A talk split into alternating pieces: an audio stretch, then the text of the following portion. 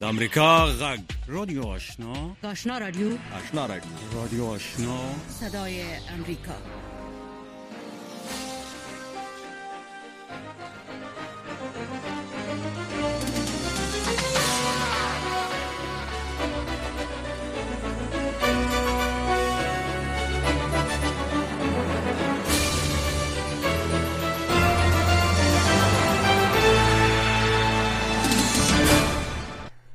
السلام علیکم درنو اوریدونکو ستړي مشئ زه زیبا خادمیم دا د امریکا غږ آشنا رادیو خبرونه ده.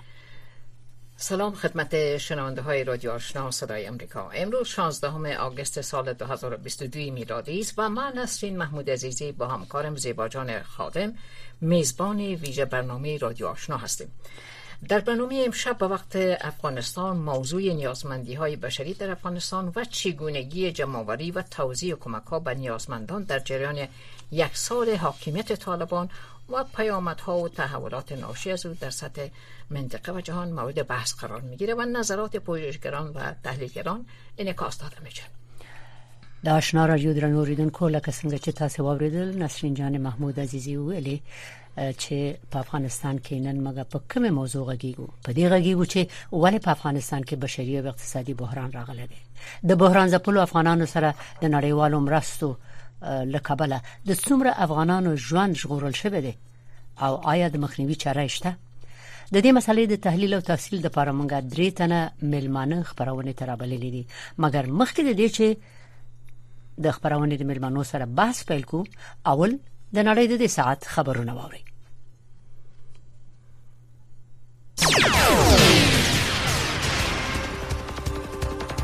سلام شب همه شما بخیر. صندوق جمعیت ملل متحد یا UNFPA از نیازمندی میلیون ها نفر به خدمات پایدار صحت باروری در مناطق دورافتاده افغانستان خبر داده است. این صندوق امروز سه شنبه 16 ماه اگست در توییت گفته است که 9.28 میلیون نفر در مناطق صعب العبور در افغانستان به شدت به خدمات پایدار حفاظتی و صحت باروری نیاز دارند. در همین حال اداره ملل متحد برای برابری جنسیتی و توانمندسازی زنان گفته است که در موقع بروز بحران موجودیت کارکنان صحی زن برای اطمینان از دریافت مراقبت های بهداشتی مورد نیاز زنان و دختران حیاتی است.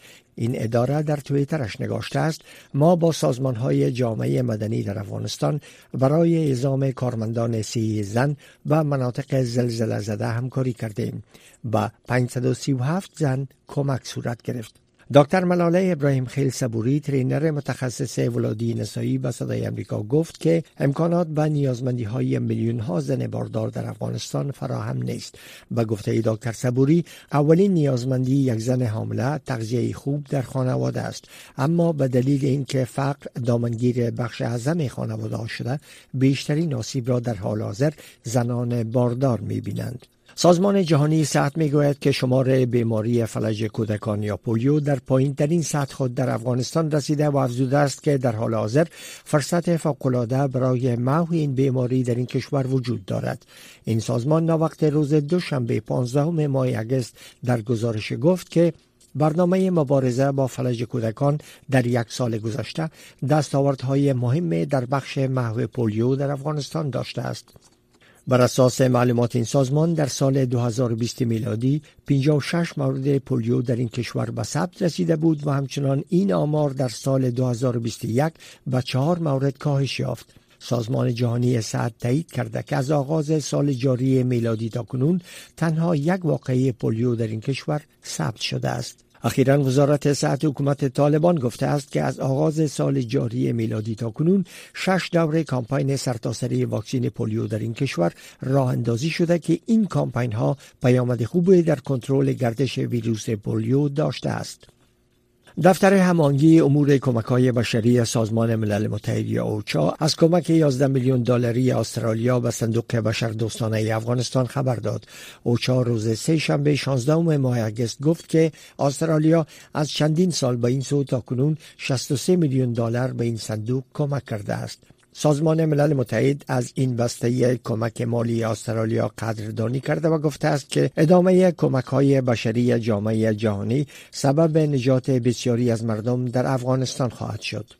جبهه مقاومت ملی افغانستان گفته است که در ادامه درگیری ها در بخش های از پنشیر 89 جنگجوی طالبان را کشتند اما مقام های محلی طالبان در این ولایت وارد شدن تلفات را به افراد خود رد کرده و آن را بی اساس خواندند سبقت الله احمدی سخنگوی این جبهه روز سه شنبه 16 ماه اگست با نشر خبرنامه گفت که جنگجویان این جبهه یک روز پیش حملات تهاجمی را در ولسوالی های شتل، اونابه، رخه، درخ، خنج و پریان ولایت پنشیر راه اندازی کردند که در اثر آن تلفات سنگین به طالبان وارد شده است. در خبرنامه آمده که این عملیات در روز یک سالگی اشغال افغانستان به دست این گروه صورت گرفت که در نتیجه آن 89 تن از افراد طالبان کشته و 26 تن دیگر آنان زخمی شدند. صدای امریکا تا کنون نتوانسته این ادعاها را مستقلانه تایید کند اما مقام های محلی طالبان هر گونه وارد شدن تلفات و اسارت نیروهایشان را در پنشیر رد کرده و می‌گویند که این موضوع هیچ حقیقت ندارد. ابوبکر صدیق سخنگوی والی طالبان برای پنشیر به صدای امریکا گفت که تنها دیشب نیروهای مخالف آنان چندین راکت را بر بخشهای ولسوالی در ره پرتاب کردند که این حملات راکتی تلفات در پی نداشته است. اخبار منطقه و جهان را از رادیو آشنا صدای امریکا می شنوید. وزارت خارجه ایالات متحده گزارش رسانه ها مبنی بر عدم رهایی دارایی بانک های مرکزی افغانستان به خاطر کمک به مردم این کشور را رد کرد. سخنگوی وزارت خارجه ایالات متحده دیروز در یک نشست خبری گفت که تمرکز واشنگتن در حال حاضر بر یافتن راه حل است که مردم افغانستان بتواند از 3.5 میلیارد دلار ذخایر ارزی بانک مرکزی افغانستان مستفید شوند. سخنگوی وزارت خارجه ایالات متحده همچنان گفت که اعضای ارشد شبکه حقانی از حضور ایمن الزواهری رهبر شبکه القاعده در کابل آگاه بودند و به گفته وی این موضوع نگرانی واشنگتن را از افتادن پولهای بانک مرکزی افغانستان به دست گروه های افغان افزایش داده است. پیش از این رسانه های امریکایی گزارش داده بود که حکومت جو بایدن تصمیم گرفته است که پس از کشته شدن ایمن الزواهری در کابل هیچ مقدار پول بانک مرکزی افغانستان را آزاد نکند. اتحادیه اروپا امروز شنبه گفت که روی پاسخ ایران به پیشنویس نهایی موافقتنامه که هدف آن احیای موافقتنامه هسته‌ای سال 2015 جهان با ایران است غور می کند. ایالات متحده روز دوشنبه گفت که جوزف بورل رئیس پلیسی خارجی اتحادیه اروپا را از واکنش خود آگاه کرد و این واکنش به تاریخ 8 ماه اگست به شکل کتبی به وی ارسال شد احتمال این که جوانب به یک موافقه روی این مسئله برسند و تحریمات ایالات متحده بر نفت ایران که 2.5 میلیون بیرل در روز است برداشته شود از همکنون باعث کاهش قیم نفت در بازارهای جهان گردیده است. با این اخبار تا این ساعت از رادیو آشنا صدای امریکا.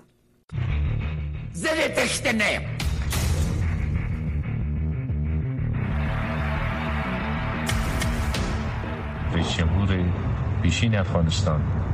افغانستان را ترک کرد American troops cannot and should not be fighting in a war and dying in a war that Afghan forces are not willing to fight for themselves. نو زه مجبورم له افغانستان وویستل شوم تر څو د خونریزۍ او د کابل د ویجاړېدو مخنیوی وشي افغانستان د طالبانو یو کلنه واکمنی په افغانستان کې د امنیت بشري حقوقو او مرمنو د ازادۍ حکومت ولای اقتصادي او بشري بحران مدني فعالیتونو او د بیان د ازادۍ څرنګوالي پر افغانستان د طالبانو یو کلنې واکمنۍ ته جوړه کتنه د امریکا غږ په ځانګړو خبرونو کې د روان کال د اگست لنه همې تر شپږ سمې نیټې پورې د ځانګړو پروګرامونو د لړۍ د امریکا غږ د ټلویزیونی، رادیويي، سپوږمکۍ او ډیجیټل خبرونو لاره کتلای او اوریدلای شئ.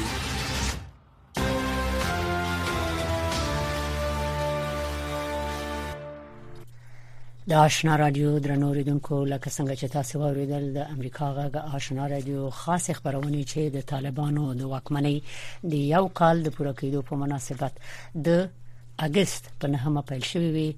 د اگست په 14مه چې یعنی نن شي پای ته رسیدي په دې خبرونو کې د دومره ورځو کې په دې تیر یو کال کې په مختلفو مسایلو باندې رڼا چول شوې ده. تحلیلګرانو خپل تحلیلونه کړی دي او کارپوهانو او نورو معلومات ورکړي دي.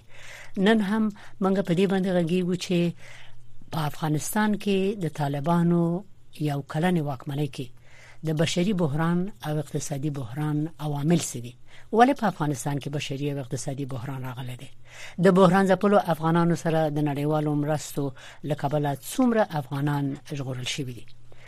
د طالبانو د سرپرست حکومت د یو کال د پوره کېدو په درشل کې په دې تیر یو کال کې په افغانستان کې چې د بشري او اقتصادي بحران راغلی دی د ژغورنې د نړیوالې کمیټې خبره ده چې کله دې چاره ونشي دومره خلک به په دې بشري بحران کې مړ شي چې په دې تیر شل کلن جنگ کې نه دی مړ شي نو عمومي سوال دا دی چې ولې دغه بس بشري بحران راغلی د راپورټونو لپاره د طالبانو د واکمنۍ نه مخکې هم په افغانستان کې د اجتماعي بې عدالتۍ او بیکاری اداري فساد اقتصادي ستونزو او د ملک د افغانانو د وټولو او ډیرو نورو مشکلاتو راپورټونه موجود وو. مګر په دې تیر یو کال کې د طالبانو د واکمنۍ دوه او د جمهوریت د سقوط نه وروسته ولې خلک په دومره کړهونو وخت شوي دي؟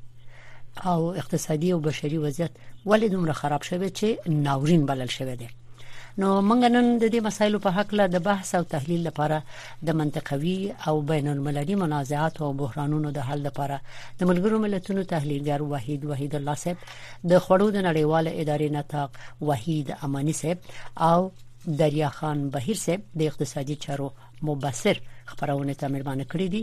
تاسو به د دې تحلیلونه او نظریات وورئ خب شنونده های عزیز اما طوری که همکار عزیزم زیبا جان گفتن ما سه مهمان عزیز داریم که جناب دکتر وحید وحید الله وحید وحید الله هستند وحید الله امانی هستند و جناب آقای دریاخان بهیر از جرمنی. اما می‌خواهیم که نخواست حضور تک تک شما را در این برنامه خیر مقدم بگویم و صحبت خود با جناب آقای وحید امانی آغاز می‌کنیم. جناب آقای امانی با سلام دوباره بر شما. می‌خوایم روی نظم سیاسی افغانستان در یک سال گذشته صحبت بکنیم که تحولات اخیر چرا مؤسسات امداد رسانی را مجبور و مکلف ساخت که دست به کار شوند؟ بحران چگونه به وجود آمد؟ چی شد؟ تشکر خانم عزیز سلام بر شما سلام به دو مهمان عزیز و قدر شما وحید لاس و هم دریا خان و سلام بر تمام شننده های رادیو صدای آشنا. طوری که شما در مقدمه گفتین و همکارتان خانم زیبا خادم.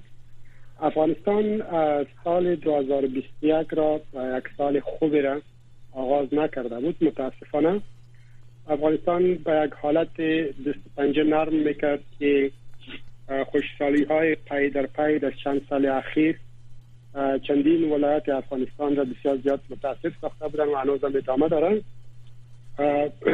خود ویروس یا وبای کووید 19 یا ویروس کرونا تاثیرات منفی بسیار زیاد برای جامعه افغانستان خصوصا بالای شهرهایی که مردمی که اونا اما نیازمندی های خانواده هایشان را از طریق روزمره کار در بازار و در مارکت اونا تنگیل می‌کردن. اونا را متاثر ساختن. جنگ ها و نامی هایی که در افغانستان وجود داشتن مردمی که به کتله مردمی که کتله کتله بزرگ مردمی که همیشه اینا بجا شده می رفتن یا بجا شده بودن ما در حدود 20 در حدود 7 میلیون ما بجا شده داخلی داشتیم و داریم. در ضمن دیگر آفات طبیعی این تمامش عوامل بوده که 2021 آغاز خوبی نبود برای افغانستان و مردم از نگاه اقتصادی و از نگاه مسئولیت غذایی اینا با مشکلات زیادی مواجه بودن. در 15 آگوست وقتی که تحولات در افغانستان با وجود آمد شما همه شاهد هستیم که تمام سیستم افغانستان سیستم اقتصادی افغانستان سقوط کرد. بانک ها مسدود شد.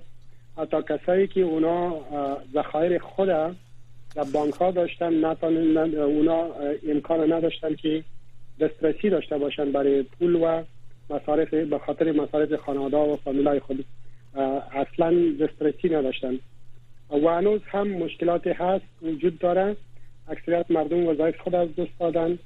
یک دم نیروهای مسلح قبلی افغانستان که تعدادشان به ده ها هزار و ده ها هزار نفر می‌رسه یا یا بیکار شدن. و مردمی که در دولت کار می‌کردن و امرار معیشت از طریق معاششان بود اینا همه معاشات اینا بر چندین ما برشان پرداخته نشدن ډیره مننه تاسو نه امانی محترم. این بیشتر ساخت موسط به وسعت دادن به بحران بشری که افغانستان متاسفانه به عدالت مواجه کرد که وسط بحران به اندازه رسید که خود ادارات خیریه و شمول دبلیشی و دیگر ادارات اینا دیگران وضعیت شدن عملا دست به کار شدن. ولی خود وسط بحران به اندازه بود که اینا با امکاناتی که داشتن نتونستن که تمام بحران اینا مهار بکنن ډیره مننه تاسو نه محترم. با وجود که جلسه امانی صاحب. من مننه تاسو نه ډیره زیاته. زمونږ بل ملما به هم خبرونه ترې شي خلونه کومه وحید وحید الله صاحب په خبرونه کې ده ډاکټر صاحب اول خو ستړي مشه په خیر راغلی پروګرام ته. ډیر مننه خادم صاحب د تاسو نه. او زما سلامونه. خانم نصری خانم عزیزی ته وړاندې کوم تشکر. د دې ترڅنګ د ډېر خوشاله یم چې زمونږ همکار جناب محترم امانی صاحب د دبليو اف پی نه او یو بل نور وطندار زمونږ هم تشکر مننه تاسو چې تر اوسه راغلی نه دی خبردار سلامونه زما ومنه او تاسو خدمت کیم. وعلیکم سلام. ډاکټر صاحب محترم دغه د بحرانونو منازعات او خبرې چې راځي د خصوصي تخصص ده زه غواړم تاسو د تجربه په اساس باندې زمونږ اوریدونکو پوښي چې د حکومتونو سډول پالیسي بشري او اقتصادي بحرانونه زیږوي او په افغانستان کې دا بحران ولې راغی. د څه خلاص کې اوس دوه دقیقې معلومات ورکړي نو پوښتنې زخت ډېری دي ډاکټر صاحب. مهرباني. ډیر لا دا چې د په افغانستان کې دلیل چې هر څو په پنځلسم د اگست یعنی د زما غاګوري بالکل خبرې مو نشريږي bale نو په پنځلسم اگست پروس کال ا دلیل چې چې ډېر ټولانی دی. او په هغه باندې مونږ وخت نه لرو چې وګورئ bale bale درست bale په ما غوډه نظام سقوط وکړ ټول نظام صفر ته ورسیده کښو کپاتو یو نظام الته موجودو د سیاسي اقتصادي امنیتي اجتماعي په لحاظ توصیف نه کوي چې څنګه نظام وو ولیکن یو سیستم الته موجودو چې یو سره کم پنشن کوله او هغه نظام ته د نړیوالې ټولنې لخوا او یا تر اتفي اتیا فیصد دا ټول بودجه د خارج نه راتلل. او امداسه یو وضعیت و چې د نظام د سقوط ورکولو بعد یا د نظام د سپارلو پس د ټول حکومتونه وکړ ټول دولت لمن ځوي وړار بيخي یعنی دولت حکومت خلاص نو په داسې یو سقوط کې چې ټول شارګونه د اقتصاد د امنیت د سیاست ټول سقوط کړو دا بحران راغی او داسې بحران راغی چې فصل درې څلور میاشتې فصل دینه چې خلک ټول شیان د لاس ورکړي حکومت هم وجود نه درلوده تر اوسه نه لري کوم مشروع حکومت چې هغه د حکومت ته پاتې شي دا یو شی تر اوسه نشته متاسفانه نو دا دا د خپل وجود نه ترجمه وکړه افغان خلک یو څو میاشتې د لپاره لمړی فصله ل 15 اگست لا غنا ټول منابع قطع شو ټول شیان سقوط وکړه ټول کومکونه افغانستان په یو ستل فیصد انزوای اقتصادي سیاسي اجتماعي او امنیتي کې یوازې پریکودل شو. او داسې یو حالت و چې پس هغه مون بیا سیټ داونه وکړ بیا دا د ورسته خبرې کوو. دا دا دلیل د د حالاتو پس له 15 اگست نه دا به ساري بحران په نړۍ کې شاید ډیر نظیر لیدل په افغانستان کې دست ایجاد شو. یعنی د حکومت سیستم د اقتصادي او نظامی او سیاسي سیستم سقوط او بیا بعد دغه نه د واضح پالیسي نه موجودیت د دې باعث شو چې دغه بحران راشي. او بین المللي انزوا چې افغانستان تر اوسه حتی یو ملک د ملګرو ملتونو هم دا حکومت د یو نامشروع پر رسمیت نه پیژندل بله که مشروع نه پیژندل بسیار خوب تشکر دکتر سپ آقای امانی برمیگردیم به شما که شرایط هم شما توضیح دادین و هم جناب دکتر سپ وحید صحبت کردن. در اینطور یک شرایط سازمان جهانی غذا در حیطه صلاحیت خود در افغانستان برای رسیدگی به نیازمندا چی کارهایی را انجام داد در یک سال گذشته؟ با چی مکانیزمی امی کمک ها به دسترس شما قرار گرفت؟ او بخی امانی صاحب د دې سره یو خبره چې د د خورو نړیوال پروګرام ویلي دی چې په افغانستان کې یو میلیون افغانانو سره تر اوسه پورې مرستې کړې دي. په دې تیر وختو کې. یو یو ویش میلیون سره. او بیا وایي چې لوګه نه ده کم شوی چې لاله هم خودی لیدي چې بیکاری ده او بیروزګاری ده. شرایط ټولو ته معلوم دي. او بیا ساس دغه د خړو د دبليو اف پی ادارې له خوول شوې دي چې 950 میلیون ډالر ته اړتیا ده چې په دغه روان جیمه کې اتلس میلیون افغانانو سره مرسته وشي. د دې څومره امکانات موجود دي چې دغه فعلی حالت افغانان راوېستل شي په دې تیر جیمه کې اب آینده راتلونکي جیمه کې وبخه او مننه زیرا جان زه به اول د خانم عزیز څنګه په دری کې دوا ورکوم یا تاسو څنګه پښتو بالکل صحیح بسیار تشکر تشکر خانم عزیز در دیشپی پروگرام غذایی جهان در افغانستان 60 سال سابقه داره سابقه چی داره تاریخی داره یعنی 6 سال میشه که ما در افغانستان متواتر بودیم و هستیم و وعده میدیم به مردم افغانستان که در پالویشان خواهد ماندیم. بیشتر ما گفتم که سال 2021 یک آغاز سال خوب نبود برای ما و بر مردم افغانستان.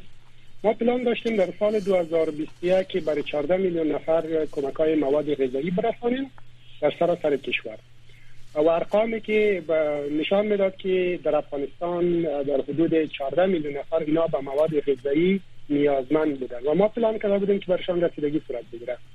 متاسفانه با تحولات سیاسی که در افغانستان رخ داد این ارقام دفعتا بلند است بله. و ما امکانات برای 14 میلیون داشتیم. با وجود امو امکانات 14 میلیون و ما توانستیم که در سال 2021 به بیشتر از 15 میلیون نفر رسیدگی بکنیم. یعنی یک میلیون بیشتر از هدفی که برای خود تعیین کرده بودیم. مثال شما گفتم می‌تونیم در خود ماه اگست که ماه تحولات افغانستان بود ما در تمام ما برای برای یک اشاره پنج میلیون نفر کمک های مواد غذایی رسانده بودیم.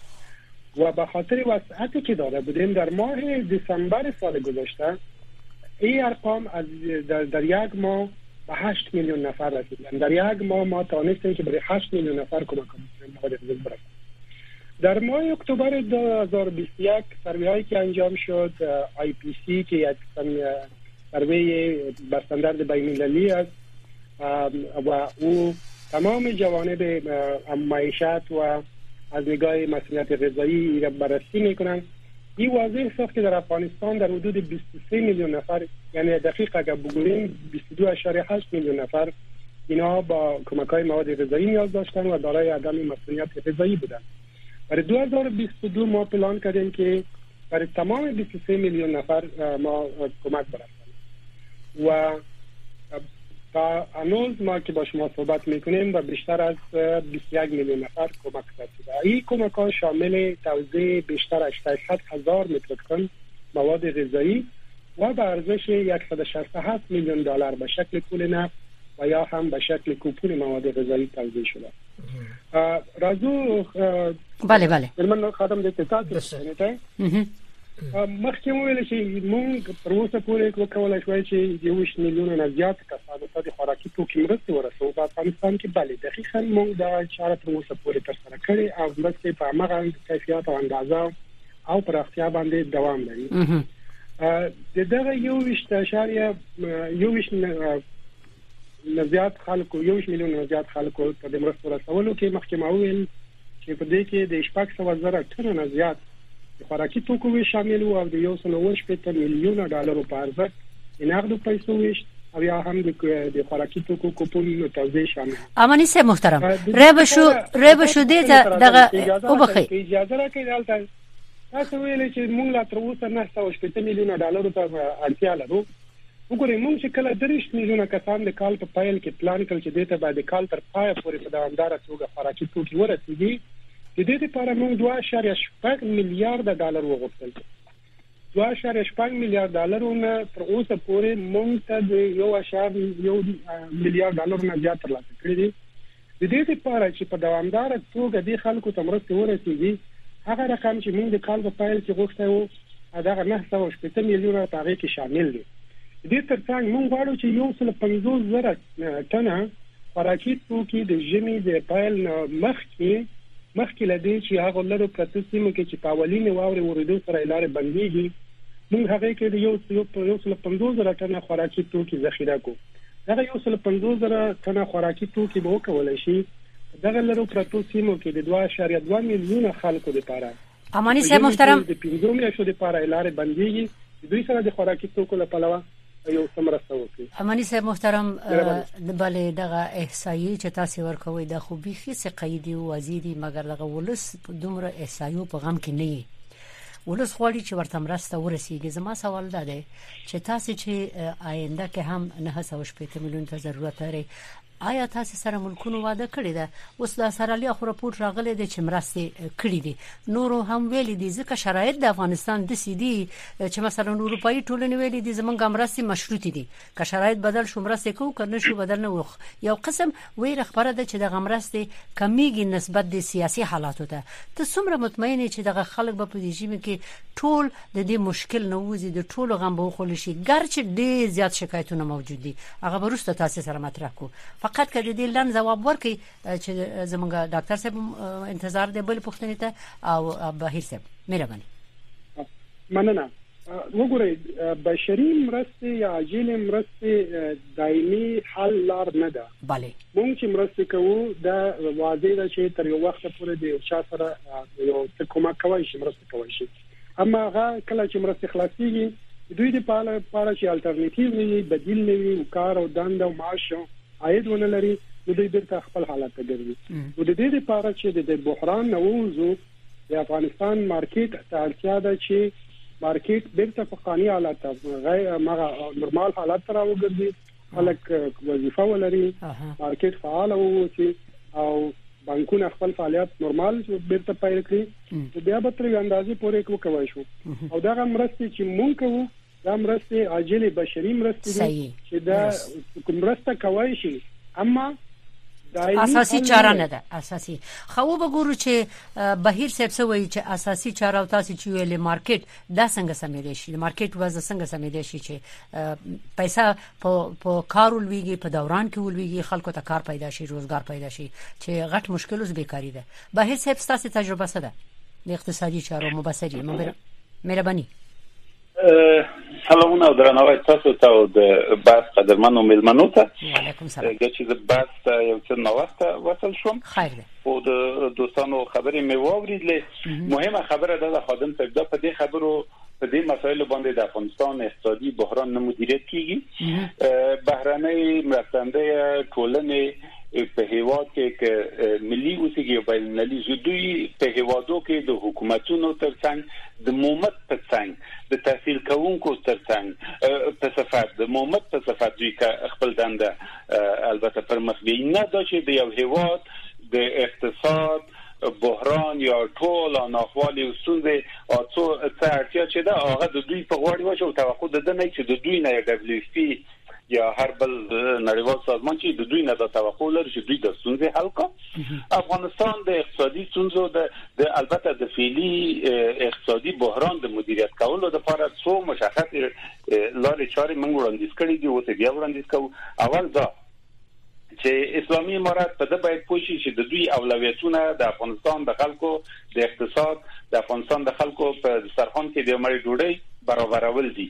دا په دوامدار ډول. په دې ډول نه چې د میاشتې د پاره چې دبليو سي او ته دا غذا ورکا د